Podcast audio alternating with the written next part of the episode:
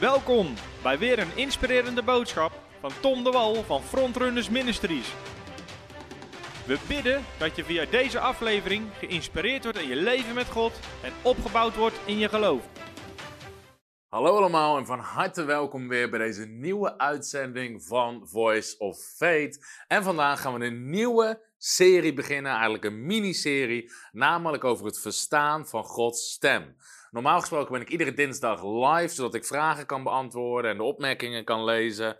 Ehm, helaas, of voor mij eigenlijk gelukkig deze keer niet, want iemand heeft mij gezegend met een midweekje karpenvissen in Frankrijk. Dus terwijl jullie dit kijken, zit ik als het goed is lekker aan de waterkant te vissen voor een paar dagen. Maar ik wilde jullie niet uh, eigenlijk een stuk mooi onderwijs, uh, stuk onderwijs onthouden. Dus daarom ga ik wel gewoon lekker spreken over het verstaan van Gods stem. En we gaan beginnen met zeven valkuilen of misvattingen als het gaat om het verstaan van Gods stem.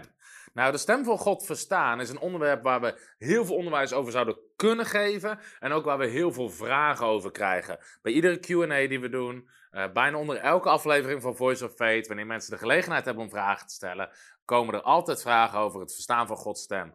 Hoe spreekt God? Hoe versta je zijn stem? Hoe kan je het leren?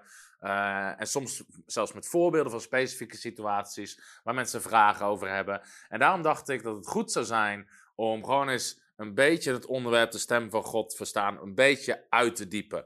Nou, het is een onderwerp waar je weken aan een stuk over zou kunnen spreken, dus ik wil gewoon een aantal fundamenten neerzetten. Maar voordat ik dat ga doen, uh, wil ik dus deze uitzending doen over zeven valkuilen of misverstanden over het verstaan van Gods stem. In de volgende uitzendingen uh, gaan we het hebben over zeven manieren waarop God spreekt en vier stappen om Gods stem te verstaan. We gaan deze uitzending dus beginnen met zeven valkuilen. Nou, waarom doe ik dat?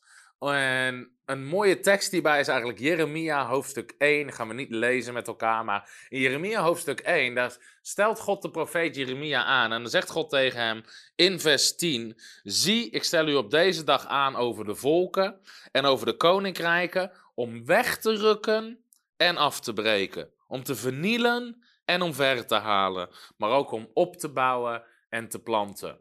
Nou, God zegt tegen Jeremia niet: Ik stuur je alleen maar als profeet om op te bouwen en te planten. Soms moeten er eerst dingen weggehaald worden voordat we in goede grond kunnen zaaien, voordat we goed kunnen beginnen. Nou, dat is met het thema genezing vaak zo, allemaal verkeerde denkbeelden uh, die mensen erover hebben, die je eerst moet weghalen voordat je kan zaaien wat het woord van God zegt over bepaalde thema's. En over het stem van God verstaan is dat precies hetzelfde. Soms moeten we eerst het een en ander eruit drukken, het een en ander vernietigen en daarna kunnen we op gaan bouwen. En daarom wilde ik beginnen met deze zeven valkuilen, als het ware, of misverstanden die um, bestaan, of het kunnen bepaalde denkwijzen zijn over de stem van God verstaan. Dus ik bid ook echt dat dit onderwijs je gaat zegenen. Trouwens, als jij gebed nodig hebt, kan je ook op dinsdagavond, iedere dinsdagavond zitten onze gebedsteams voor jou klaar. Is onze gebedslijn is geopend. Het nummer komt ook onder in beeld. Dat kan je bellen voor mensen die met je in geloof staan. Als je je leven aan Jezus wil geven, je wil vervuld worden met de Heilige Geest. Iemand die met jou staat voor genezing of wat dan ook. Onze ministerteams zitten voor jou klaar, iedere dinsdagavond. Op 085 488 23 23. Nou, voordat ik de zeven valkuilen ga behandelen, wil ik even drie kernteksten die ik in je hart wil zaaien als het gaat om het thema het verstaan van Gods stem. En dat zijn deze drie teksten. De eerste staat in Romeinen hoofdstuk 8, vers 14. En in die tekst staat: Immers dat is de bovenste tekst. Zoveel als er door de geest van God geleid worden, die zijn de kinderen, of in de grondtekst staat de zonen, je zou het ook kunnen zeggen de dochters van God. Een van de kenmerken van zonen en dochters van God, van kinderen van God, is dat we door de geest van God geleid worden. Dat we door de geest van God geleid worden. Nou, daar wil ik eigenlijk wel iets over zeggen. Want als het gaat over de stem van God verstaan, um, vind ik eigenlijk de, de titel vaak, als we het hebben over preek of boek over de stem van God verstaan, vind ik eigenlijk te beperkt. Omdat wat de Bijbel ons veel meer leert, is geleid worden door de Heilige Geest. En er zijn veel meer manieren waarop de Geest van God ons kan leiden dan uitsluitend door de stem van God te verstaan. Dus dat wil ik even van tevoren gezegd hebben. Maar Hier zegt de Bijbel wel, zoveel als we door de geest van God geleid worden. Dat zijn de kinderen van God. Nou, een kind wordt geleid door zijn vader. En de vader kan het kind op allerlei manieren leiden, door instructies te geven, maar ook gewoon tot het kind te spreken. En dat is ook wat de vader met ons wil doen. Daarom zei Jezus ook in Johannes 10, vers 27, en dat is de tweede kerntekst: Mijn schapen horen mijn stem. Ik ken ze en zij volgen mij. Jezus zegt: Mijn schapen horen mijn stem. Deze teksten zijn echt geloofsbouwers. Want jij mag dus weten, als je een kind van God bent, hoor je door de geest van God geleid te worden. Als je zegt: hey, Jezus is mijn herder, dan weet je, ik hoor zijn stem. Jij zegt, mijn schapen horen mijn stem. Dat is een geloofstatement. Misschien kan je dat in de reacties onder deze video zetten. Dat is een geloofstatement. Mijn schapen horen mijn stem. Dat is ook goed om over jezelf uit te spreken. Omdat ik ontmoet regelmatig christenen zeggen, uh, ik kan Gods stem niet verstaan. Jawel, nu zeg je iets wat tegen het woord van God ingaat. Want Jezus zelf, het hoofd van de kerk, de Zoon van God, zegt, mijn schapen horen mijn stem. Dus als jij zegt, ik hoor zijn stem niet, dan zeg je iets wat Jezus niet zegt. je moet zorgen dat je beleidenis in lijn komt met wat Jezus zegt. Dus in plaats daarvan moet je gaan beleiden: Ik ben een schaap van de herder. Jezus is mijn herder. En ik hoor zijn stem. En dat is zo'n mooie bemoediging. En Jezus heeft ons ook gezegd in Johannes 16 vanaf vers 13. Zegt Jezus, als de geest komt, de geest van de waarheid, zal hij u de weg wijzen in heel de waarheid. Want hij zal niet vanuit zichzelf spreken, maar wat hij gehoord zal hebben, zal hij spreken. En de toekomstige dingen zal hij u verkondigen. En hij zal mij verheerlijken en uit het mijne nemen en het u verkondigen. Nou, in Johannes 14 en Johannes 16 onderwijst Jezus ons dat hij is naar de hemel gegaan. Hij zit aan de rechterhand van God. Maar de Heilige Geest is uitgestort. En dat is God zelf in de vorm van zijn geest. Die weer bij ons is en sterker nog, die in ons woont. De Geest van God woont in jou. Het is niet zoals in het Oude Testament dat maar een paar mensen de Heilige Geest hadden en dat de Geest van buitenaf op iemand kwam. De Geest van God woont in jouw wedergeboren geest. Dus God zal jou voornamelijk van binnenuit leiden. Dat is zo belangrijk, want Hij woont in jou. Als de discipelen de stem van God wilden verstaan, konden ze gewoon iets aan Jezus vragen. Want Jezus was de zoon van God. En jij zegt, als je mij hebt gezien, heb je de Vader gezien. En we aanvaarden de woorden van Jezus. En Vader was het woord van God. Nou, wij kunnen in die zin niet nu naar Israël gaan en een vraag stellen aan Jezus. Gelukkig niet, want jij zegt, het is beter dat ik wegga. Want dan zal ik de geest zenden. En hij is bij iedereen en hij zal iedereen in de hele waarheid onderwijzen en de weg wijzen en al die dingen meer. Dus dat is ook een goede proclamatie op basis van deze drie teksten. Te zeggen, ik ben een kind van God en ik word geleid door de geest. Ik ben een schaap, Jezus is mijn herder en ik hoor zijn stem. Te zeggen, de geest zal mij de weg wijzen van binnenuit in de hele waarheid. Nou, dat zijn krachtige waarheden, statements om mee te beginnen. En nu gaan we kijken naar zeven valkuilen, zeven misvattingen als het gaat om het verstaan van Gods stem. Dus pak je Bijbel erbij, pak misschien pen en papier erbij, want ik ben ervan overtuigd dat dit onderwijs je gaat zegenen. Nou, de eerste valkuil of de eerste misvatting, voor sommige mensen zal het herkenbaar zijn, voor andere mensen niet, is deze, namelijk dat mensen denken dat God niet of nauwelijks spreekt. Mensen denken dat God niet meer spreekt of nauwelijks spreekt. En er zijn best wel veel christenen uh, uit allerlei stromingen maar die hebben geleerd dat God niet meer spreekt, of dat God nauwelijks spreekt, of dat het enige wat wij hebben is het woord van God. En ik zeg dit met veel respect, maar heel veel christenen denken dat de drie-eenheid Vader, Zoon en Heilige Bijbel is. In sommige kerken is er totaal geen aandacht voor het werk van de Heilige Geest. Sterker nog, mensen weten amper wie de Heilige Geest is, wat hij doet, hoe hij wil spreken. En ze denken dat de drie-eenheid is: Vader, Zoon, Heilige Bijbel. Nou, ik geloof met mijn hele hart dat dit het woord van God is. We aanvaarden dit als, als de waarheid. Maar de drie-eenheid is Vader, Zoon, Heilige Geest. De kerk in handelingen, de gelovigen in handelingen, die hadden niet eens een Bijbel. Die hebben niet eens wat wij nu hebben. Zij werden geleid door de geest. Ze werden geleid door de geest. En heel veel christenen geloven dat God niet of nauwelijks spreekt. Dat dit het enige is waar we mee moeten doen. Nou, God spreekt door zijn woord. En zijn woord is van levensbelang voor ons allemaal. Het is onze voeding. Maar er zit een verschil tussen de ehm, algemene wil van God en de specifieke wil van God. In het woord van God vind je de algemene wil van God. Hierin lezen we hoe God over dingen denkt, wat God tegen ons zegt. Gods richtlijnen, Gods instructies, die God ons allemaal geeft, omdat het goed gaat met ons. Omdat God wil dat we Hem geloven en Hem vertrouwen.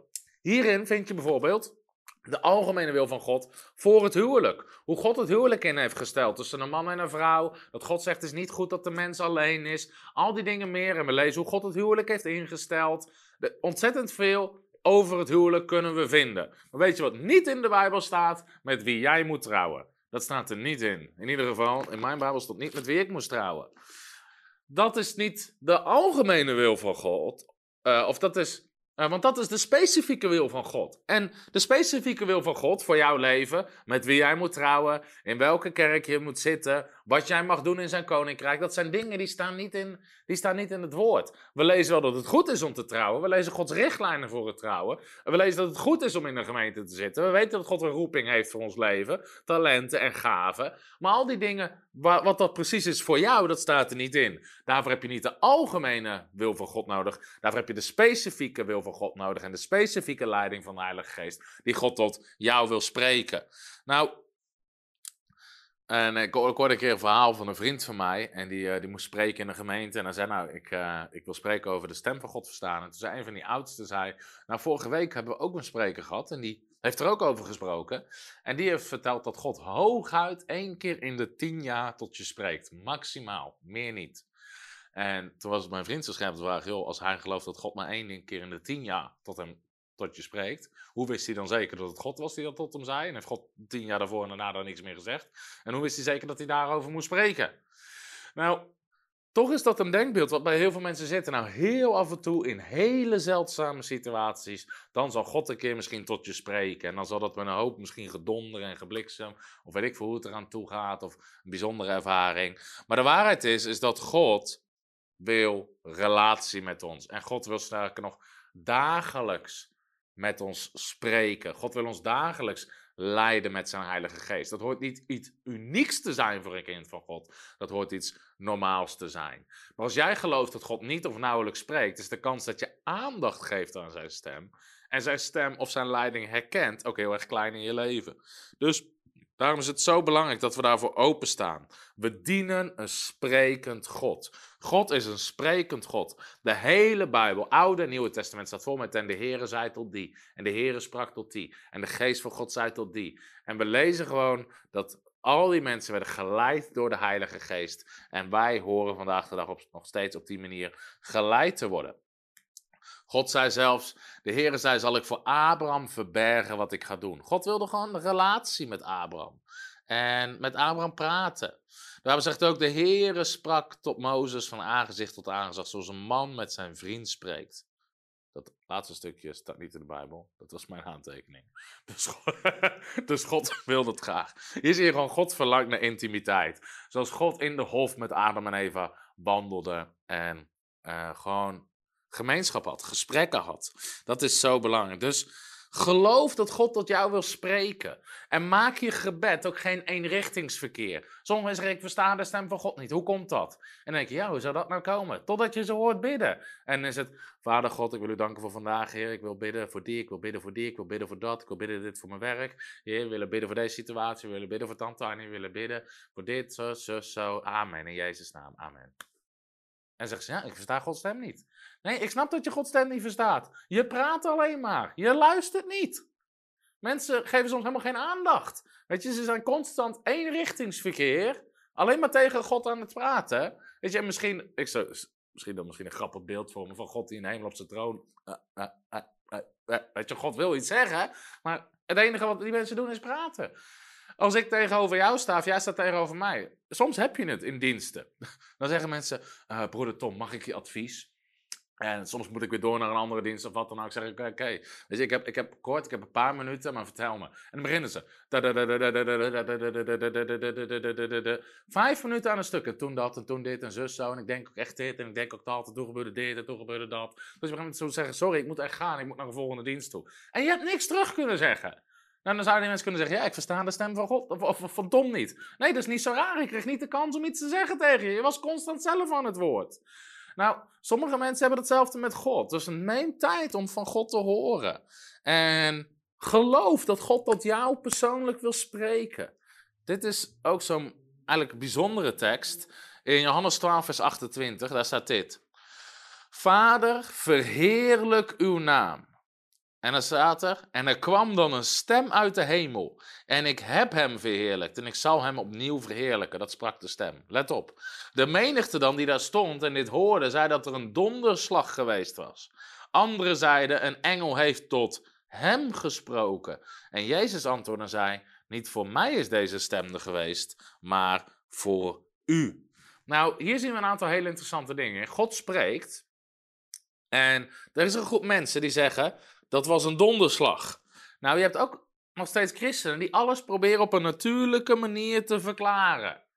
Weet je, ach, dat was vast niet Gods stem, dat was vast mijn eigen gedachte. Of ach ja, die persoon zegt dat hij Gods stem verstaat, maar die, die hoort gewoon stem in. Zo. Ze proberen alles op een natuurlijke manier te verklaren. Je hebt heel veel christenen die klem zitten in het natuurlijke in een 2D-wereld. Zelfs in de hele wereld van de theologie en allerlei theologen. Dat is soms het probleem. Theoloog Heel veel van die mensen liegen. Ik heb zelf trouwens ook theologie gestudeerd, dus ik heb er niks op tegen. Maar ik heb ook de nare kanten daarvan gezien. En je ziet zelfs zo mensen die theologie studeren, die gewoon hun geloof kwijtraken. Omdat ze met hun verstand God proberen te bestuderen. En dat kan niet, want de Bijbel zegt God is geest. En de dingen die God doet, die kan je niet verklaren met je verstand. Dus sommige theologen zeggen dan, ja, dat Bijbelboek met die profetieën, dat kan niet voor die gebeurtenissen geschreven zijn, want dat kunnen die mensen niet weten. Dus het moet daarna geschreven zijn. Nee, pannenkoek, dat is het idee van profetie. Dat je van tevoren iets aankondigt wat er gebeurt. Niet na, na, aan de hand achteraf beschrijft wat er gebeurd is. Maar mensen zitten vast in hun natuurlijke denken. Ook deze mensen. God sprak, ach, het was vast een donderslag. Andere zeiden, een engel heeft tot hem gesproken. Dat is een andere groep mensen. Die denken altijd dat het voor een ander is. Ja, het is vast wel voor die. Die is zo geestelijk. Dat is zo'n bijzonder persoon. Die heeft bijbelschool gedaan. Of die heeft dit. Ze denken altijd, nou, het is voor een ander. Maar dan zegt Jezus niet, voor mij is deze stem er geweest, maar voor u. Jezus zegt, hey, God sprak dit tot jou. En het probleem was met deze groep mensen, of ze verklaarden het natuurlijk, of ze dachten, het is voor een ander. Maar God wil dat jij weet dat het voor jou is. God wil tot jou persoonlijk spreken. Dus de eerste valkuil is mensen denken dat God niet of nauwelijks spreekt. Nou, een andere valkuil, als het gaat om de stem van God verstaan, is dat mensen denken dat ze het niet hoeven of niet kunnen leren. Als het gaat om de stem van God verstaan en over geestelijke dingen, en uh, ik heb ook een, uh, op onze website staan twee uh, blogs over de stem van God verstaan en wat tips die ik daar geef. En dat is grappig, omdat er zijn ook mensen die nemen de moeite en de tijd om daar kritiekvideo's over op te nemen. En eigenlijk 99 van de 100 van die dingen kijk ik niet. Maar eens zo'n ding stuurt iemand mij door. Dus ik dacht, nou, ik ben eens benieuwd. Wat zeggen ze dan? En een van de dingen waar ik soms de stem van God mee versta, vergelijk, is als het ware, nu hoeft dat niet meer. Hè, uh, maar vroeger had je in je autoradio, ik weet nog dat toen ik op de basisschool zat, mochten we van onze ouders voor onze tiende verjaardag of zo, mochten we een radio op onze kamer zetten. En dan had je zo'n zo'n radiootje met zo'n antenne en dan moest je die lange antenne de goede richting inzetten. En dan moest je gaan draaien aan die knop of aan die schuifknop. En dan precies proberen bij de zender uit te komen die jij wilde horen. En dan met de antenne en die knop en net zolang tot je verbinding had. En je moest afstemmen op de juiste zender, op de juiste frequentie. En dan hoorde je het geluid. Nou, het is hetzelfde soms met de stem van God verstaan. We moeten afstemmen, we moeten leren vanuit onze geest om de stem van God te verstaan. God spreekt wel, maar wij moeten afstemmen om het te horen. Nou, sommige mensen die maken daar dan kritiek over. Zeggen, ja, maar als het van God is, dan hoef je toch niet af te stemmen. Dan gebeurt het gewoon. Geestelijke dingen, dat, dat, weet je, als het van Gods kant afkomt, hebben wij daar geen rol in. En dat is zo'n groot misverstand.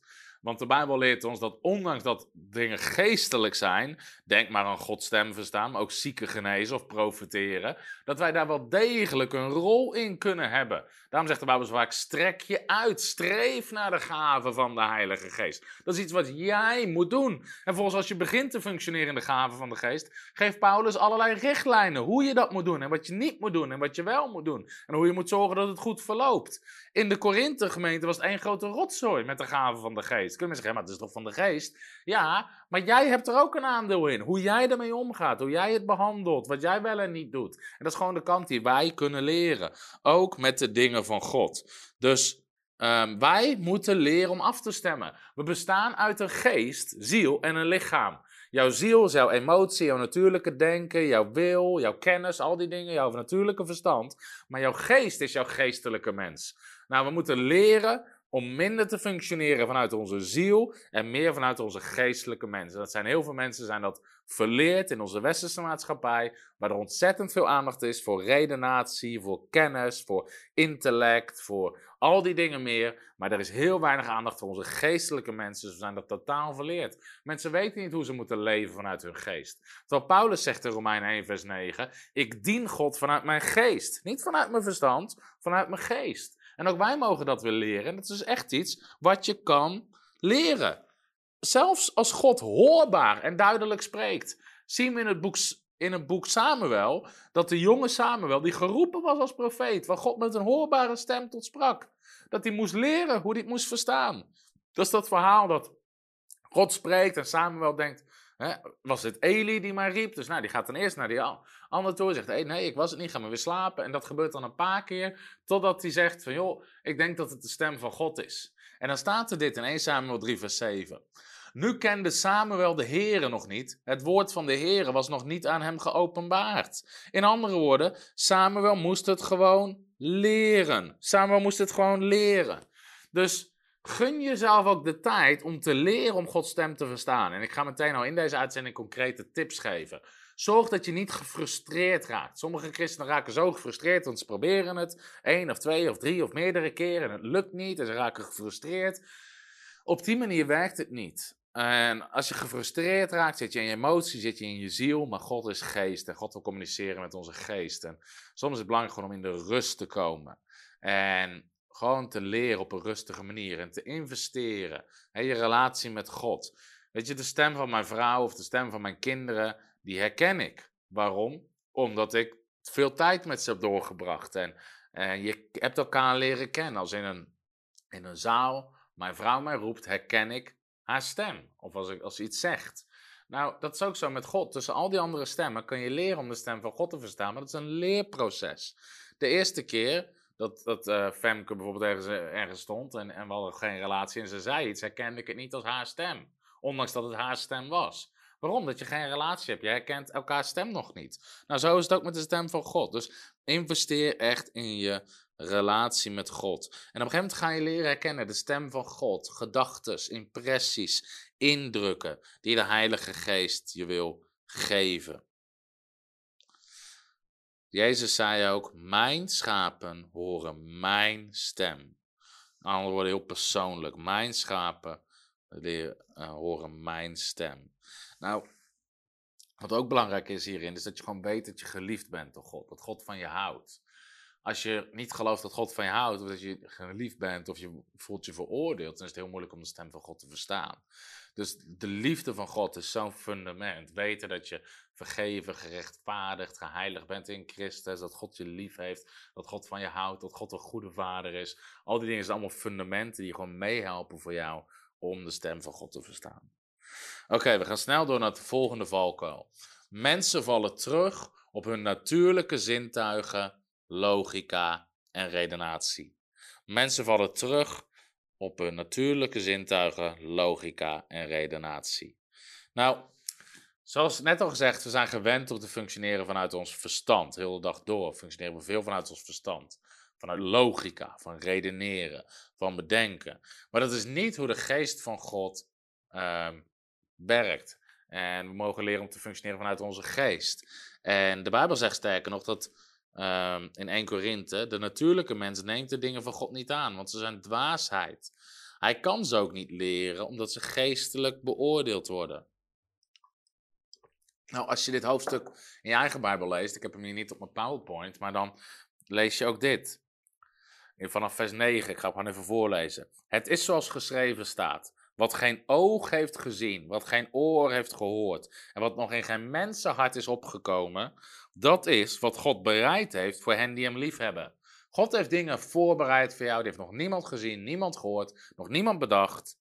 En dan staat er dit, aan ons echter heeft God het geopenbaard door zijn geest. De geest onderzoekt alle dingen, en zelfs de diepte van God. Dus God functioneert, als God tot ons spreekt, zal het meestal niet zijn via wat we zien, wat we horen, wat we zelf bedenken, maar dan is het wat God wil doen door zijn geest. Nou, een aantal voorbeelden, want mensen verwarren dus soms hun natuurlijke zintuigen, logica of redenatie, met het verstaan van Gods stem. Ik ga je daar een aantal voorbeelden van geven. De Bijbel zegt dat zoveel als de kinderen van God zijn, die worden geleid door de geest van God. Die tekst hebben we gehoord. Nou, dat betekent dat we niet geleid worden door onze omstandigheden. Omstandigheden. Maar soms verwarren mensen hun natuurlijke omstandigheden met de stem van God verstaan. Dan zeggen ze: Oh, dit moet wel van God zijn. Want. En dan beginnen ze allerlei natuurlijke dingen op te noemen. Dit is zo bijzonder, dit is zo mooi, of dit is, dit is een unieke kans, of dit is zo goedkoop, of dit is. Nou, dit moet wel van God zijn. Ik was aan het bidden en het komt precies in de aanbieding. En dan word je geleid door natuurlijke omstandigheden. Je wordt geleid door natuurlijke omstandigheden. Uh, of mensen zeggen, ja, maar dit kan niet van God zijn, want... En ze komen met een hele natuurlijke lijst met eisen van hoe het er volgens hun uit moet zien. Of ze worden geleid door een emotie. God vraagt iets van ze, alleen ze horen het niet of ze zitten in angst. We, misschien, moet, misschien vraagt God iets wat je niet leuk vindt. En ik kan er ook voorbeelden, of wat gewoon niet logisch lijkt. En dat zijn natuurlijke omstandigheden. Ik weet bijvoorbeeld ooit een keer dus jaren terug, toen ik net begon met spreken, ik denk een jaar of tien terug. En ik moest spreken op een jeugdavond, er iemand me had uitgenodigd. Het was een jeugdavond in de buurt. En ik kom eraan en God had echt op mijn hart gelegd om te spreken over bekering en Jezus leren kennen. En ik kom daar om te spreken en ik kijk die zaal door. En ik zie eigenlijk dat op, ik weet niet hoeveel jongeren het waren, waren, niet, waren geen hele grote groepen. En ik kende eigenlijk iedereen. Ik kende iedereen. En ik wist, het zijn allemaal jongeren die God dienen, die Jezus kennen, weet je wel, vol vuur. Dus op natuurlijke omstandigheden dacht ik, ja, dit kan niet de boodschap zijn. Weet je, al deze mensen die zijn al bekeerd, die kennen Jezus al. Dus de fout die ik toen maakte, is dat ik begon over iets anders te spreken. En er was totaal geen zalving, er was geen kracht, ik kwam er niet doorheen, het ging moeizaam. Het was eigenlijk gewoon een verschrikkelijke avond. Het was gewoon totaal mislukt. En aan het eind van de avond zie ik een jongen zitten in de hoek. Eh, die ik niet kende. En waar ik dus later achter kwam, wacht, die kende God niet. En, en die had Jezus nog nooit aangenomen, het is nooit bekeerd. En ik geloof dat God me eigenlijk een boodschap had gegeven, al was het maar voor die ene, voor die ene die hem nog niet kende. Maar omdat ik keek naar de natuurlijke omstandigheden en dacht, nou, iedereen hier kent Jezus toch al, al deze mensen hebben zich al bekeerd, hoef ik het niet te preken. En ik ging de mist in. Ik miste totaal de wil van God en wat God wilde doen omdat ik werd geleid door natuurlijke omstandigheden en zelf ging invullen. Nou, dat soort dingen kunnen kunnen, ehm, kunnen we dus verwarren. En daar moeten we voor oppassen. Ons natuurlijke denken. Ik weet een keer dat God dat op mijn gelegd om ergens een evangelisatiecampagne te doen. En we willen altijd samenwerken met lokale gemeentes. En er zijn er altijd mensen die zeggen: ja, een evangelisatiecampagne, zielen winnen. In het oudste team. Nou, dat kan niet van God zijn, want we hebben nog zoveel werk aan onze eigen mensen voordat die er een beetje fatsoenlijk bij lopen. Nee hoor, we hebben geen, geen nee, nieuwe mensen nieuwe bekeerlingen. Poeh, moet het, nee, nee, is niet van God. En die mensen die kijken dus naar hun natuurlijke omstandigheden, het werk wat ze nog te doen hebben in hun eigen gemeente, zeggen: Nou, nee, dit is niet van God. Dat is geleid worden door natuurlijke omstandigheden. En het soms nog missen van: Nou, dat kan niet van God zijn, want. Of mensen die door vleeselijke ambities, eigen belangen geleid worden. Die denken: Nou, God zal vast wel dit willen. En eigenlijk is het gewoon iets wat ze zelf heel graag willen en verlangen. Um, en ik herinner me ook een ander voorbeeld jaren geleden toen ik, uh, denk misschien ook al bijna tien jaar terug. Misschien was het ook tien jaar terug. Dat ik thuis zat te bidden. Ik woonde nog bij mijn ouders. Ik zat thuis te bidden. En het was gewoon zaterdagmiddag. En ik was gewoon Bijbel aan het lezen. Ik zat thuis te bidden. En ik zou die avond zou ik met een goede vriend afspreken. Dus bijpraten. En ik zat thuis te bidden. En ik hoorde de stem van God. En God zei: Ga vanavond naar Breda evangeliseren heldere stem van God. Alleen, ik had allerlei redenen om het niet te doen. Het was zaterdagavond. Ik had geen zin om te gaan evangeliseren op straat. Ik had al een afspraak staan. Ik had afgesproken met iemand. Ik, ik, had al die redenen. Ik had geen vervoer. Ik had, ik had honderd natuurlijke omstandigheden.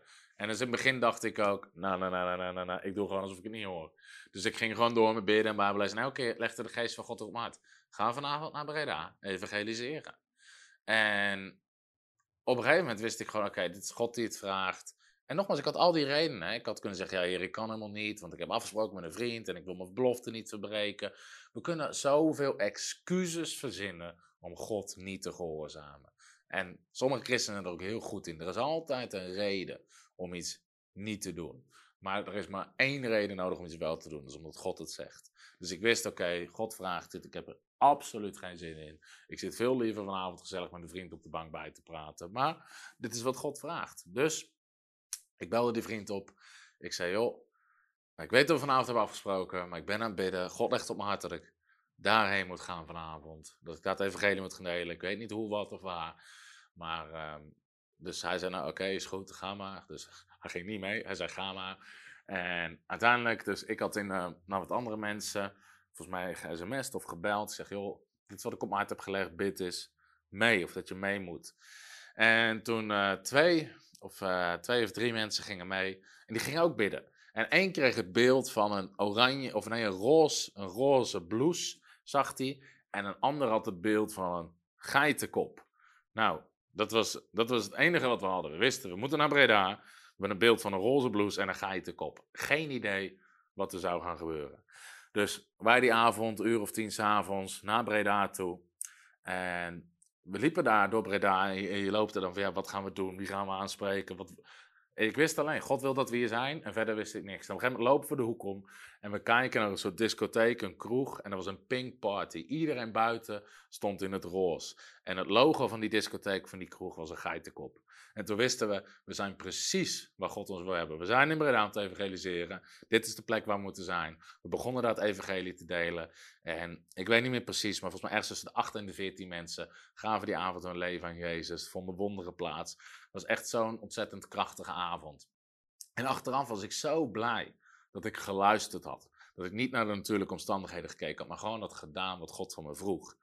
En toen was ik weer thuis en de volgende dag zat ik, zat ik dat ik te bidden. En toen sprak God iets tot me wat me echt raakte. En wat ik niet heel vaak vertel, omdat het is iets persoonlijks. Maar ik zat na te denken en ik vroeg, Heer, waarom moest ik naar Breda? Er zijn toch, weet ik voor hoeveel christenen in Breda. Waarom heeft u niet tegen een christen gewoon in Breda gezegd, ga vanavond naar buiten? Waarom ik? Ik had afspraken, ik had er geen zin in. Ik ben niet goed in evangelisatie. Al die redenen. En toen sprak God een zin tot mijn hart, waardoor ik echt begon te huilen. En God zei, Tom, omdat ik weet dat je altijd naar me luistert. En toen God dat sprak, brak dat mijn hart. God zei, God vroeg het van me, omdat hij wist dat ik zou luisteren. God is op zoek naar mensen die luisteren, die doen wat hij zegt, die niet geleid worden door al hun omstandigheden en dat soort dingen. Daarom zegt de Bijbel, vertrouw op de Heer met heel je hart en steun op je eigen inzicht niet. Ken Hem in al je wegen. Dus wees geleid door de Heilige Geest en niet door al je omstandigheden. God vraagt mij nooit: Tom, vind je dit een goed idee? Tom, zijn de omstandigheden goed?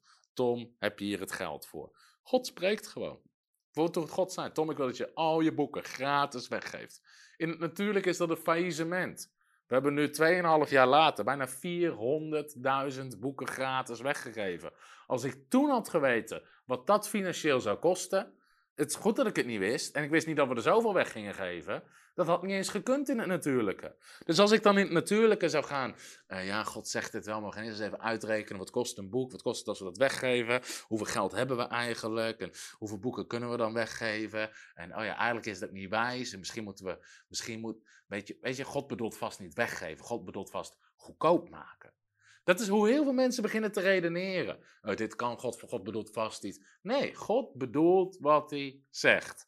Dus toen God het zei, we gaan aangekondigd, vanaf nu gaan we al onze boeken gratis weggeven. We hebben hier een loods met boeken. Sommige mensen komen gewoon af en aanrijden, gooien er hele dozen, stapels, met, stapels boeken, dozen boeken, honderden boeken in. Nou, iedere bijbelschoolavond honderden boeken weg. Iedere conferentie, soms conferentie 10.000, 15.000 boeken. Allemaal weggeven, weggeven, weggeven, weggeven. En iedere keer voorziet God. Komen de giften, komen de partners, komen de grote giften. En mijn punt is, God vraagt niet. Tom, denk je dat het een goed idee is? Tom, denk je dat hij het kan betalen? Nee, God spreekt gewoon. Ook met het gebouw waar we nu zitten. God sprak gewoon, dat is je gebouw. We hadden het geld niet. We hadden meer geld nodig in zes weken dan in de anderhalf jaar daarvoor was binnengekomen. God zei, dat is je gebouw, ga het doen. En we deden het en God voorzag. Weet je, dat is hoe God werkt. God kijkt niet naar je natuurlijke omstandigheden. Dus de vraag is gewoon, uh, durven we het gehoorzamen? Of gaan we ook die valko in dat we denken, nou, dit moet wel van God zijn want. Of dit kan niet van God zijn want. Of God bedoelt vast dit. Nee, God bedoelt wat hij zegt. En wees daar zuiver in. Nummer vier. Mensen missen het bovennatuurlijke omdat ze het spectaculaire verwachten. Dit is krachtig. Als het gaat om de stem van God, missen mensen het bovennatuurlijke omdat ze het spectaculaire verwachten. Sommige mensen die denken dat als het gaat om de stem van God verstaan en God spreekt tot je, komt er vast een donderstem uit de hemel die zegt: Tom, je moet dit doen. Of er komt een engel met een doedelzak en een heel engelenkoor die begint te zingen. Of, of een, een aardbeving of een hand, net zoals met Daniel, die op de muur verschijnt en die begint te schrijven wat je moet doen. Of iets realistischer. Mensen willen door de geest van God geleid worden en ze gaan naar een dienst toe. En die zeggen, Heer, als ik iets moet doen, spreek dan vanavond tot de prediker en laten mij eruit pikken in die zaal van duizend mensen. Laten mij aanwijzen en zeggen, hé hey, jij daar, zo spreekt de Heer, je zit in deze situatie en dit is wat je moet doen. Mensen missen het bovennatuurlijke omdat ze het spectaculaire verwachten. De voornaamste manier waarop je geleid wordt onder het nieuwe verbond is door de innerlijke leiding van de Heilige Geest. Niet door profeten, niet door profetieën, niet door engelen met doedelzakken, niet door een hand die op de muur begint te schrijven en niet door een stem die uit de hemel tettert. De voornaamste manier waarop de geest van God je wil leiden is van binnenuit. Ik zal mijn geest in u geven. En dat is hoe de geest van God ons wil leiden. En ook in het verhaal van Elia zien we dat. Dan komt de aanwezigheid van God en dan de Heer zegt, ga naar buiten. Ga op de berg staan voor het aangezicht van de Heer. En zie, de Heer ging voorbij. En een grote sterke wind die bergen spleet en rotsen in stukken brak. Ging voor het aangezicht van de Heer uit, maar de Heer was niet in de wind. Na deze wind kwam er een aardbeving, maar de Heer was ook niet in de aardbeving. Na, op de aardbeving volgde een vuur, maar de Heer was ook niet in het vuur. En na het vuur kwam het zuizen van een zachte stilte. En het gebeurde toen Elia dat hoorde, dat hij met zijn gezicht zijn mantel ontwikkelde naar buiten ging en in de ingang van de God bleef staan. En zie, een stem kwam tot hem en zei, wat doet u hier, Elia? God zat niet in het vuur, God zat niet in de aardbeving, God zat niet in. Waar zat God in? God zat in de stilte, in de rust. En ook als God tot ons spreekt, zal het vaak zijn vanuit de stilte, vanuit de rust, vanuit de innerlijke leiding van de Heilige Geest. Dus je wordt geleid door de Geest van God. Zijn profeten nog voor vandaag? Ja. Zijn profetieën voor vandaag? Ja. Maar Jij bent er niet van afhankelijk. Sommige mensen rennen van profetische conferentie naar profetische conferentie. En willen allemaal een woord van de Heer. En dat is niet hoe God het bedoeld heeft. Ja, profetische bediening is voor vandaag. Ja, persoonlijke profetieën zijn voor vandaag. Maar God wil jou leiden van binnenuit. Zodat je ook weet hoe je de stem van God kan verstaan. De leiding kan verstaan. Als er geen profeet in de buurt is. Als er geen profetische binnenconferentie is binnenkort. Als er niemand is die een profetie over je uit kan spreken. Leer zelf geleid te worden door de Heilige Geest. Dat is een van de redenen waarom ik voorzichtig ben geworden. Om veel te profiteren over mensen. Omdat mensen kunnen er niet mee omgaan. Dus ik heb zo vaak gehad dat mensen die dan, weet je die begonnen dan te bellen. Uh, Tom, ik heb nu een woord van God nodig, ik moet nu voor me bidden. Weet je, en dan begin je af te tasten in je geest. En zeg je, ik ontvang niks, wat is er dan aan de hand? Ja, ik sta op de trein te wachten hier en die komt nog niet, die had er al lang moeten zijn. Ik wil weten, wat is er aan de hand? Wat een aap ben je. Stop met je tijd te verspillen om op te bellen om te vragen waarom je trein te laat is. Als je wil weten van de Heer waarom je trein te laat is, vraag het zelf aan de Heer. Maar sommige mensen worden raar als het gaat om dat soort dingen. En leer zelf om geleid te worden door de Heilige Geest. En waarschijnlijk als je vraagt waarom is mijn trein te laat, zegt de Geest, kijk op openbaarvervoer.nl. In het Engels zeggen ze ook soms, use your brain, give God a break. Dus aan de ene kant, de Bijbel zegt, vertrouw niet op je verstand. Er staat niet, gebruik niet je verstand. Sommige mensen halen dat door elkaar. Nou, wat is een ander iets? Wat ik veel zie in de christelijke wereld. Is mensen die geleid worden door. Of geleid willen worden door spectaculaire dingen of uiterlijke omstandigheden. Hoe vaak ik mensen dit niet heb horen zeggen. Heer, als u wil dat ik dit doe, laat er dan vandaag drie rode auto's langs rijden. Of laat dan een vogel in die bomen gaan zitten. Of laat dan iemand iets zeggen tegen mij vandaag. Dat is niet hoe we geleid horen te worden. Ik hoor mensen over belangrijke beslissingen in hun leven. Heer, als dit van u is, laat er dan een vogel in die boom gaan zitten. En ja, tien minuten later ging er een vogel zitten. Dat is wat vogels doen. Die gaan in een boom zitten. Dat is geen leiding van de Heilige Geest. Dat is, dat is niet hoe het werkt. Paulus bad nergens. Uh, uh, heer, als u wil dat ik uh, naar Macedonië ga, laat dan vandaag zes kamelen achter elkaar langslopen. Dat is niet hoe het Nieuwe Testament ons leert dat we geleid horen te worden. Als je kijkt hoe het Nieuwe Testament spreekt, staat er en de Heilige Geest sprak tot ze. De Heilige Geest sprak ze. Ze hoorden de stem van de Geest in hun binnenste. De Geest zei tegen Filippus, ga erheen en voeg u bij deze, bij deze wagen. Dus dat is niet hoe Nieuw-Testamentische christenen geleid horen te worden. Sterker nog, dat is hoe je misleid kan worden. Als je afgaat op uiterlijke omstandigheden en uiterlijke dingen die gebeuren. Nee, je moet leren wie de geest van God is in je, dat je van binnenuit geleid wordt. Dat je van binnenuit kan zeggen, nou, moet ik niet doen. Hm, moet ik wel doen. Gewoon de geest van God. Je, het Engels zeggen die prompting. Dat je de indrukken van de geest, de bewegingen van de geest, de indrukken die hij je geeft, dat je die leert te herkennen. Dus soms missen, dat ga ik nog een keer zeggen, mensen missen het bovennatuurlijke omdat ze het spectaculaire verwachten.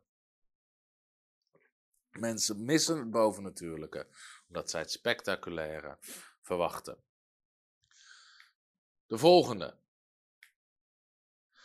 Vooringenomen zijn. Ik denk dat dat één woord is.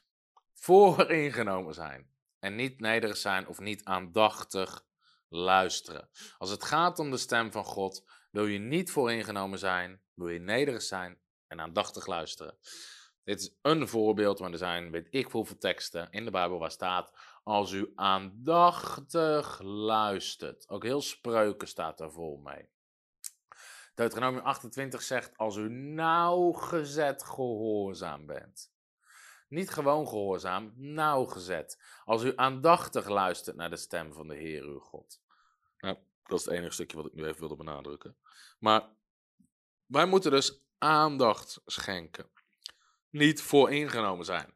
Dus nederig zijn. Dat betekent onderwerp je aan God. Stel je nederig op. Stel je ondergeschikt op aan God. Nederig zijn, laag willen zijn. Ondergeschikt aan God. Dus als je gaat bidden voor iets en je wil de stem van God verstaan, wees dan ook bereid oprecht om naar het antwoord te luisteren. Sommige mensen bidden voor iets, maar ze, ze hebben het antwoord al lang in hun, in hun hoofd, wat ze denken dat het moet zijn. Weet je, sommige mensen gaan, gaan bidden voor, voor een partnerkeuze. Uh, heer, uh, als, uh, als u wil dat hij het is, ja, zeg dan niet. Nee, oké, prima, boem. Ze geven nog geen, nog, geen, nog geen halve seconde de tijd God om iets te zeggen. En ze zijn eigenlijk vooringenomen. Ze zijn eigenlijk vooringenomen. Of ze horen wat ze graag willen horen. Ze staan er niet blanco in. Nee, je moet aan, nederig zijn. Aandachtig willen luisteren. En niet denken dat we Gods antwoord al weten voordat we bidden. En dat, je, dat kan altijd. Dat we zelf graag iets willen. Ik weet ook een keer dat ik, ik moest ergens spreken. En ik wist dat het ook een vurige club. Dus ik dacht, ah heer, we gaan vast spreken over geloof en wonderen en al die dingen. En de geest zei, spreekt over bekering. Spreek over bekering. Het was grappig, ik heb een hele preek gemaakt over bekering. En ik zat mijn aantekeningen door te luisteren. En ergens, ergens klopte er iets niet. En dat ik gewoon weet van, sommigen zeggen het voelt alsof je je voet aan het wassen bent met je sok aan. Er klopt iets niet. En ik zat mijn aantekeningen door. Ik zei, heer, wat klopt er niet? En God sprak tot me, je hebt deze preek zelf verzonnen. Ik zei, heer, u zei dat ik over bekering moest spreken. Ja, maar je hebt niet gevraagd waar, vanuit welke tekst of op welke manier. Ik was gewoon weer op de automatische piloot gegaan. Hup, alles blanco. En toen gaf God me waar ik wel over moest spreken. Een hele specifieke tekst. Wat heel specifiek tot die groep staat. Maar je moet aandachtig willen luisteren. En nederig willen luisteren. Heer, wat wilt u dat ik zeg? Geleid worden door de Heilige Geest. Dus, wat ik net zei met partnerkeuze. Heer, is dit een partner voor mijn leven? En zegt ja, ik weet zeker, het was het. Hoezo? Nou, ik was aan het bidden en precies op dat moment stuurde die mijn appje. Is dat geen toeval? Nee, dat is geen toeval. Je zit heel de dag met elkaar te appen. Weet je, nederig zijn. nederig zijn. En gewoon oprecht willen horen. Een mooi voorbeeld ervan was mijn geestelijk vader Jan Soet Pastenkamp. Toen we dit gebouw gingen kopen. Dus hij, hij, gaf ons altijd raad en advies. Ik zei, Jan Sjoerd, ik heb het idee dat God dit zegt, dat God dit vraagt om dit pand te, of dit gebouw ten, uh, in bezit te nemen als het ware, om dit te gaan gebruiken. Ik zeg, maar natuurlijke is dit de situatie. We hebben niet het geld, dit is het geld dat we nodig hebben. Zoveel geld is er nooit binnengekomen, maar ik denk dat God het zegt. En Sjoerd zei, nou, het klinkt niet als, natuurlijk is het niet haalbaar, maar ik ga erover bidden. En Jan ging er gewoon oprecht voor bidden. En hij kwam terug met het antwoord, zegt Tom, ik heb ervoor gebeden. En ik heb er vrede over. Ik denk dat je het moet doen. Hij was, ondanks dat hij het natuurlijke het geen wijze stap vond als adviseur of als eh, van onze stichting, ging hij er oprecht over bidden. En hij kwam terug met een antwoord wat niet zijn voorkeur had van het natuurlijke positie, waarvan hij wel wist dat God het zei. Dus wees nederig. Waarom zegt God wij de staat hoogmoedigen, maar geeft genade aan de nederigen? Wat betekent dat? Aandacht. Neem tijd om Gods stem te verstaan. Zet tijd apart.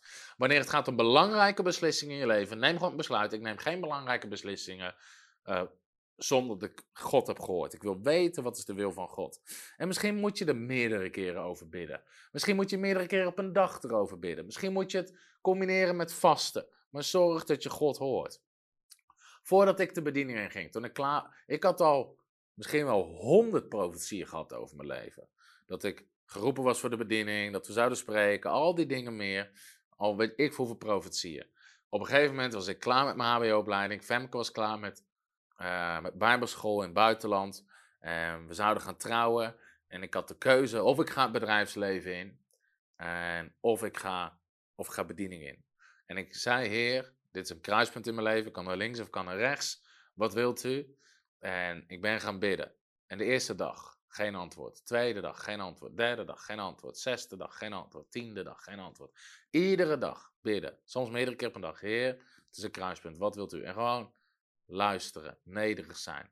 En soms zijn dit soort dingen een test. Waarin God kijkt. Wil je echt weten wat ik zeg? Of ga je je eigen weg? Ga je je eigen ding doen? Uiteindelijk, net zoals in het boek Daniel, na 21 dagen. Na drie weken bidden lag ik thuis op en zei, Heer, wat wilt u dat ik doe? En ik hoorde de stem van God. Ik roep je vol tijd om te spreken en te bedienen. Ik roep je vol tijd de bediening in. Na drie weken hoorde ik de stem van God.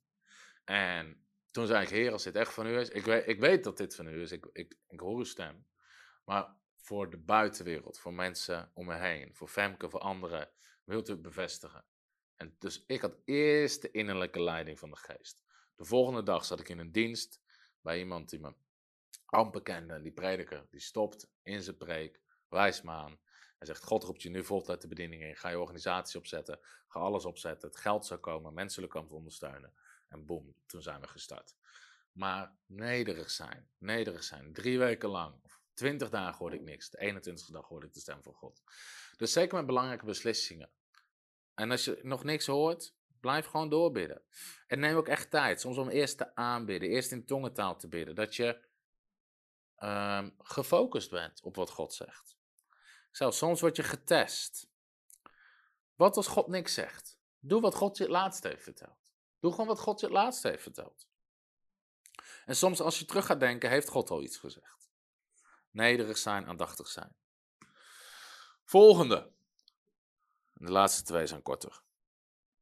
We doen niet wat God zegt. We doen niet wat God zegt. Dat kan een valkuil zijn. Je, wil, je bidt wel, Heer, wat zegt u? Maar ben je ook bereid om te doen wat God zegt? Wat zei Jezus? Mijn schapen horen mijn stem. Ik ken ze en ze volgen mij. Ze volgen mij. Dat vraagt geloof en vertrouwen. Dus je kan wel bidden, Heer, wat is uw wil? Heer, wat is uw wil? Maar wees dan ook bereid om te volgen. Als God iets zegt. Soms komen mensen met een hele eisenpakket. We zien het soms ook bij mensen die in de bediening willen werken. Solliciteren. Ja, ik wil, ik wil in de bediening werken. En, of sommigen zeggen, maar ik geloof echt dat God heeft gezegd dit. En dan, ja, maar ik wil wel dit en dit en dit en dit. Het moet wel zo, het moet wel zo, het moet wel dit, moet wel dat. Ze komen met een hele eigen ijspakket. Wacht, ik dacht, dacht dat God iets had gezegd tegen je. Misschien moet je gewoon, is goed, Heer, zeggen. En gewoon gehoorzamen. In plaats van komen met je hele eigen eisenpakket. Dat is niet hoe God werkt. Dus je kan wel bidden voor de wil van God, maar wees ook bereid om de wil van God te doen. Net zoals met Breda. Toen God zei, ik wil dat je naar Breda gaat. Ik wilde dat niet. Ik had er helemaal geen zin in. Maar je volgt hem. Je volgt hem. Soms als God vroeg om geld weg te geven of te zaaien of weet je, oprecht te bidden. Heer, wat wilt u dat ik geef? Heer, wat wilt u? Niet vooringenomen, niet je eigen plan. Heer, wat wilt u? En vervolgens durven te gehoorzamen. Een vriend van mij die eh, had hem gevraagd in de kerk voor geluid. En had nee gezegd, had er geen zin in. Moet ik, moet ik vroeg mijn bed uit? Moet ik langer blijven? Moet ik afbouwen? Moet ik opbouwen? Had allemaal redenen. Is niet handig. Moeten we met twee auto's rijden? Moet mijn vrouw de kinderen alleen? Had al die redenen. Nee, nee, nee, het is niet, ik kan niks. Ik, ik, kan, ik kan het niet, zei hij. En de zondag daarna stond hij in aanbidding en ze zongen dat nummer. Uh, en hij stond in aanbidding en ze zongen het nummer van... Heer, ik doe alles voor u, wat u ook vraagt. En hoorde de stem van God. Doe dan het geluid. hij, hup, handen naar beneden. En die persoon toegelopen zegt... Ik doe het geluid, zei hij. en, maar soms, soms zijn we zo. Weet je, christenen zijn soms gewend om dingen te zeggen en te zingen die ze niet doen. Heel de kerk staat te zingen. Heer, ik kniel voor u. Je staat te zingen. Heer, ik kniel voor u. Je zingt, Heer, ik roep het uit. Heer, ik roep het uit. Dat is niet uitroep. Maar je, je leert mensen om iets te zeggen, maar het niet te doen. En sommigen zeggen, Heer, ik doe alles voor je. God, doe dan dat. Uh, ja, maar uh, dat komt niet goed uit met mijn vakantiedagen. Dan moet ik onbetaald verlof. Nee, dit moet ik dat. We hebben al onze eisen. We hebben al onze eisen. En dat is niet hoe God het werkt. Heer, ik doe alles voor u. Begin met het geluid. Weet je, waarom zegt als je getrouwd bent over het kleine, gaat God je over het grote stellen.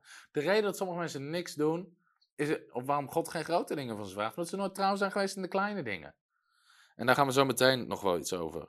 Daar kan ik nu wel iets over zeggen.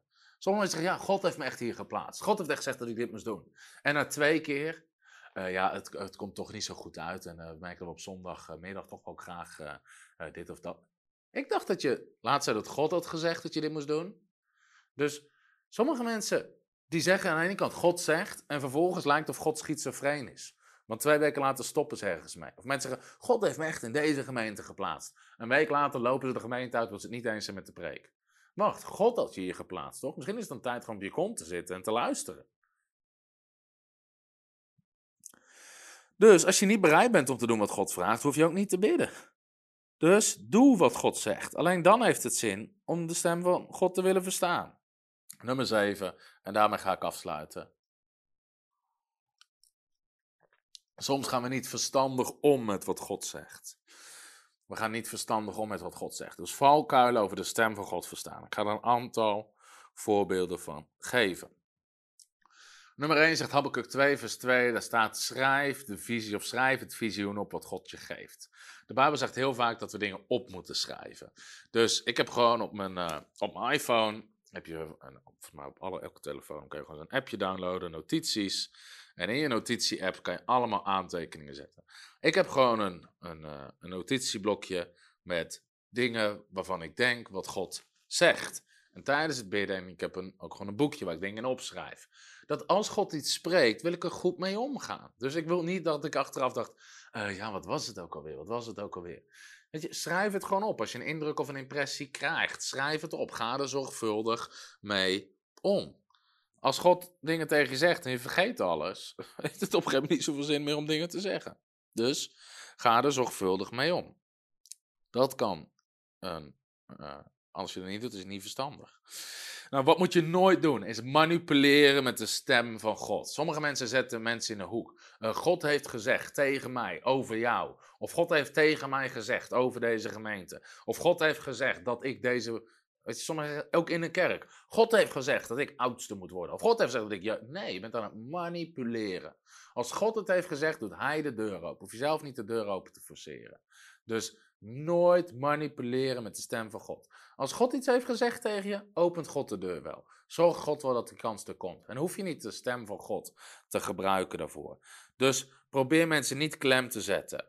En je hoeft ook niet gewichtig te doen. Zo spreekt de Heer. Soms kan je beter zeggen, joh, ik was aan het bidden en ik had deze indruk. Bid erover en kijk of het klikt. Of ik denk dat. Of wees er gewoon nederig, wees er voorzichtig mee en ga niet manipuleren. En dan nog moet je ook, het gaat over de gaaf van de geest, gewoon wijs ermee omgaan. Dat je soms laat God je dingen zien. En dan is de vraag, hoe ga je daarmee om? En een heel simpel voorbeeld was, ik bad een keer. Iemand kwam volgens mij voor genezing of zo. En, excuses. In mijn geest ervoer ik dat deze persoon gewoon bitterheid en onvergevingsgezind met hem meedroeg. Je kan dan op twee manieren reageren. Je kan dan openbaar zeggen: Zo spreekt de Heer. De Heer laat me zien. Je hebt bitterheid in je hart. Je hebt onvergevingsgezindheid in je hart. En de Bijbel zegt: Als jij anderen niet vergeeft, kan God jou niet. En je zou persoon, persoon gewoon te schande kunnen zetten van een hele groep. Onder de mom van God laat me zien. In plaats daarvan, in mijn geval omdat ik vaak een microfoon draag, zet je microfoon uit. Je zegt alleen tegen die persoon: Joh, ik moet heel sterk denken aan onvergevingsgezindheid. Of dat de mensen zijn die nog mag vergeven. Klopt dat? En dan gewoon zeggen mensen, ja, ja, dat klopt. En dan help je ze ermee. Je wil mensen opbouwen. Je wil mensen niet beschamen. Je wil mensen niet afbreken. Je wil mensen helpen, zodat ze door dat soort dingen heen komen. Dus ga daar goed mee om. Wat is een andere valkuil? Als het gaat om niet goed omgaan. Wat je heel vaak ziet, is dat mensen hun eigen verlangens interpreteren als Gods verlangens. Dat zie je ook vaak met bijbelse thema's. Mensen hebben een enorm hart voor een bepaald bijbels onderwerp, maar vervolgens gaan ze dat op iedereen willen leggen. Hun openbaring, hun ding willen ze op alle anderen leggen. Soms komen mensen in een dienst en zeggen, uh, Tom, je moet meer over dit preken, want dit is zo belangrijk. Nou, blijkbaar is dat een onderwerp waar God jouw openbaring over geeft, wat God op jouw hart legt, maar ga dat niet op iedereen lopen plakken. Uh, ja, je moet meer over, moet meer over eindtijd preken. Als ik meer over eindtijd moet spreken, dan zal de geest van God me daarin leiden om daar meer over te spreken. We zijn altijd aan het bidden. Heer, waar moeten we over spreken? Heer, we gaan series over. Weet je, als God, het feit dat God over tot hun spreekt, of hun daar openbaring over geeft, betekent dat niet dat je dat op alle anderen moet leggen. En je moet net als die en die meer over genade preken. Die... Nee, dat is zijn ding. En prijs God dat jij daardoor gezegend wordt en dat, en dat dat jou zo opbouwt, maar ga dat niet op iedereen leggen. En heel veel mensen doen het ook in de kerk. Uh, ja, deze kerk moet meer dit en dit worden. En God heeft me laten zien dat. God heeft. Nee, nee, nee, nee. Dat is niet hoe het werkt. De Bijbel leert ons dat God heeft leiderschap aangesteld in de kerk. 1 Korinthe 12, oudste, die allerlei functies heeft God aangesteld in de kerk. Denk je niet dat als God iets wil spreken tot zijn gemeente, dat hij daar de juiste orde voor gebruikt? En als God iets wil spreken over het kinderwerk, kan hij spreken. Tot de oudste, de voorganger of de kinderwerker of wat dan ook. Maar weet je, God is een God van orde. En God zal daar de logische weg in volgen. Dus um, sommige mensen willen altijd wat hun verlangen is, wat hun idee is. Gaan ze vermommen onder het, onder de noemen van God zegt. Of God laat me zien. Of ik heb echt een gebed. En ze, maken er, ze gooien er een geestelijke saus over. Puur om te manipuleren en hun wil door te drukken. En dat is een lelijk ding. Dat is een lelijk ding. Dus soms kan het aan. Het kan Weet je, zelfs als je denkt dat dat zo is, wees dan nederig en zeg, joh, ik heb het idee dat, zou je erover kunnen bidden? En als het van God is, en je gelooft dat het van God is, en dat die andere persoon ook door God geleid wordt, weet je, dan is het goed, dan zal God spreken. En anders laat het los. Laat het los. Het is niet jouw taak, niet jouw verantwoordelijkheid. Hetzelfde zie je soms met gebedsgroepen in gemeentes. Die hun hele eigen leven gaan leiden. Omdat ze denken dat ze allerlei dingen ervaren in voorbeden. Maar wat ze eigenlijk ervaren is hun eigen frustratie Oh Heer, spreek tot de pastor, spreek tot de pastor. Dat hij meer hierover preekt. Meer... En de eerste one begint te profiteren. Zo zegt de Heer. Hier moet En ze gaan compleet in het vlees en hun eigen frustratie. Ze zijn, ze zijn aan het frustreren, niet aan het profiteren. En aan het manipuleren. Allemaal soms onder de noemer van de geest. En dat zou niet zo moeten zijn. Als het gaat om de dingen van de geest, moet je nederig zijn, zachtmoedig en gewoon vertrouwen leggen in de hand van God. Dus God iets spreekt, dat het ook tot stand zal komen. En anders gewoon loslaten en nederig en wijs mee omgaan. Dus dat zijn zeven valkuilen over het verstaan van Gods stem. Mensen denken dat God niet of nauwelijks spreekt, nummer één. Mensen denken dat ze het niet hoeven of kunnen leren, nummer twee. Nummer drie, mensen vallen terug op natuurlijke zintuigen, logica of redenatie, nummer drie. Mensen missen het bovennatuurlijk omdat ze het spectaculaire verwachten, nummer vier. Nummer vijf, we zijn niet nederig, maar vooringenomen. Nummer zes, we doen niet wat God zegt. Of nummer zeven, we gaan niet verstandig om met wat God zegt. Dat zijn zeven valkuilen of misvattingen als het gaat om de stem van God. Dus daarom zei ik soms moeten we eerst wat dingen eruit trekken voordat we volgende week kunnen gaan zaaien over de zeven manieren of zeven manieren waarop God kan spreken in ons leven. En ik hoop en ik bid ook echt dat dit onderwijs je enorm gezegend heeft. Nou, voor iedereen die partner is van Frontrunners zijn we bezig om iets nieuws te ontwikkelen. Namelijk dat je al mijn aantekeningen van Voice of Faith of mijn PowerPoints kan downloaden via www.bijbelschool.tv. Het is nu nog niet af, maar we gaan het binnenkort ontwikkelen. Want we zijn gewoon altijd aan het kijken, hoe kunnen we de, onze partners, mensen die maandelijks in frontrunners zaaien, die ons helpen om al die mensen te bereiken en alles wat we doen voor het Koninkrijk van God, hoe kunnen we die extra zegenen? Aan de ene kant je zegen komt van God, want de Bijbel zegt als je zegenrijk zaait, zal je zegenrijk oogsten, al die dingen meer, dat is de zegen van God. Maar ook wij willen je gewoon zegenen en bedanken. Dus weet, binnenkort komt dat beschikbaar, dat je gewoon mijn aantekening kan downloaden ook om terug te lezen. Of misschien wil je zelf de boodschap ergens anders prediken, of wat dan ook, dan is dat, uh, kan je dat gebruiken daarvoor. Dus daar willen we je sowieso mee zegenen. En als je nog geen partner bent van Frontrunners, wil ik je van harte uitnodigen om partner te worden. En als je partner wordt, help je ons gewoon mee op maandelijkse basis. Om al die mensen te bereiken, toe te rusten, al die dingen die we doen. En onder andere die gratis boeken. Uh, je kan gewoon partner worden via www.frontrunnersministry.nl slash partners. Je krijgt een account op uh. Je kan al ons onderwijs daar terugkijken, ook onze bijbelscholen. Uh, maar wanneer ik een boek uitbreng, proberen we ook altijd extra's bijzonders te doen voor partners. En eind mei komt mijn volgende boek uit. En dat boek heet Geloof voor het Onmogelijke. En speciaal voor onze partners gaan we het uitbrengen in een extra luxe giftbox editie. Zodat je echt iets moois hebt om in je kast te zetten. Bestaat uit twee boeken en een werkboek. Dus twee leesboeken en een werkboek. Deel 1, deel 2 en het werkboek. In een super gave giftbox. Geloof voor het onmogelijke. En in dat boek ga ik diep in op wat geloof is. Hoe je geloof krijgt. Hoe je geloof gebruikt. Misverstanden over geloof. Al die dingen.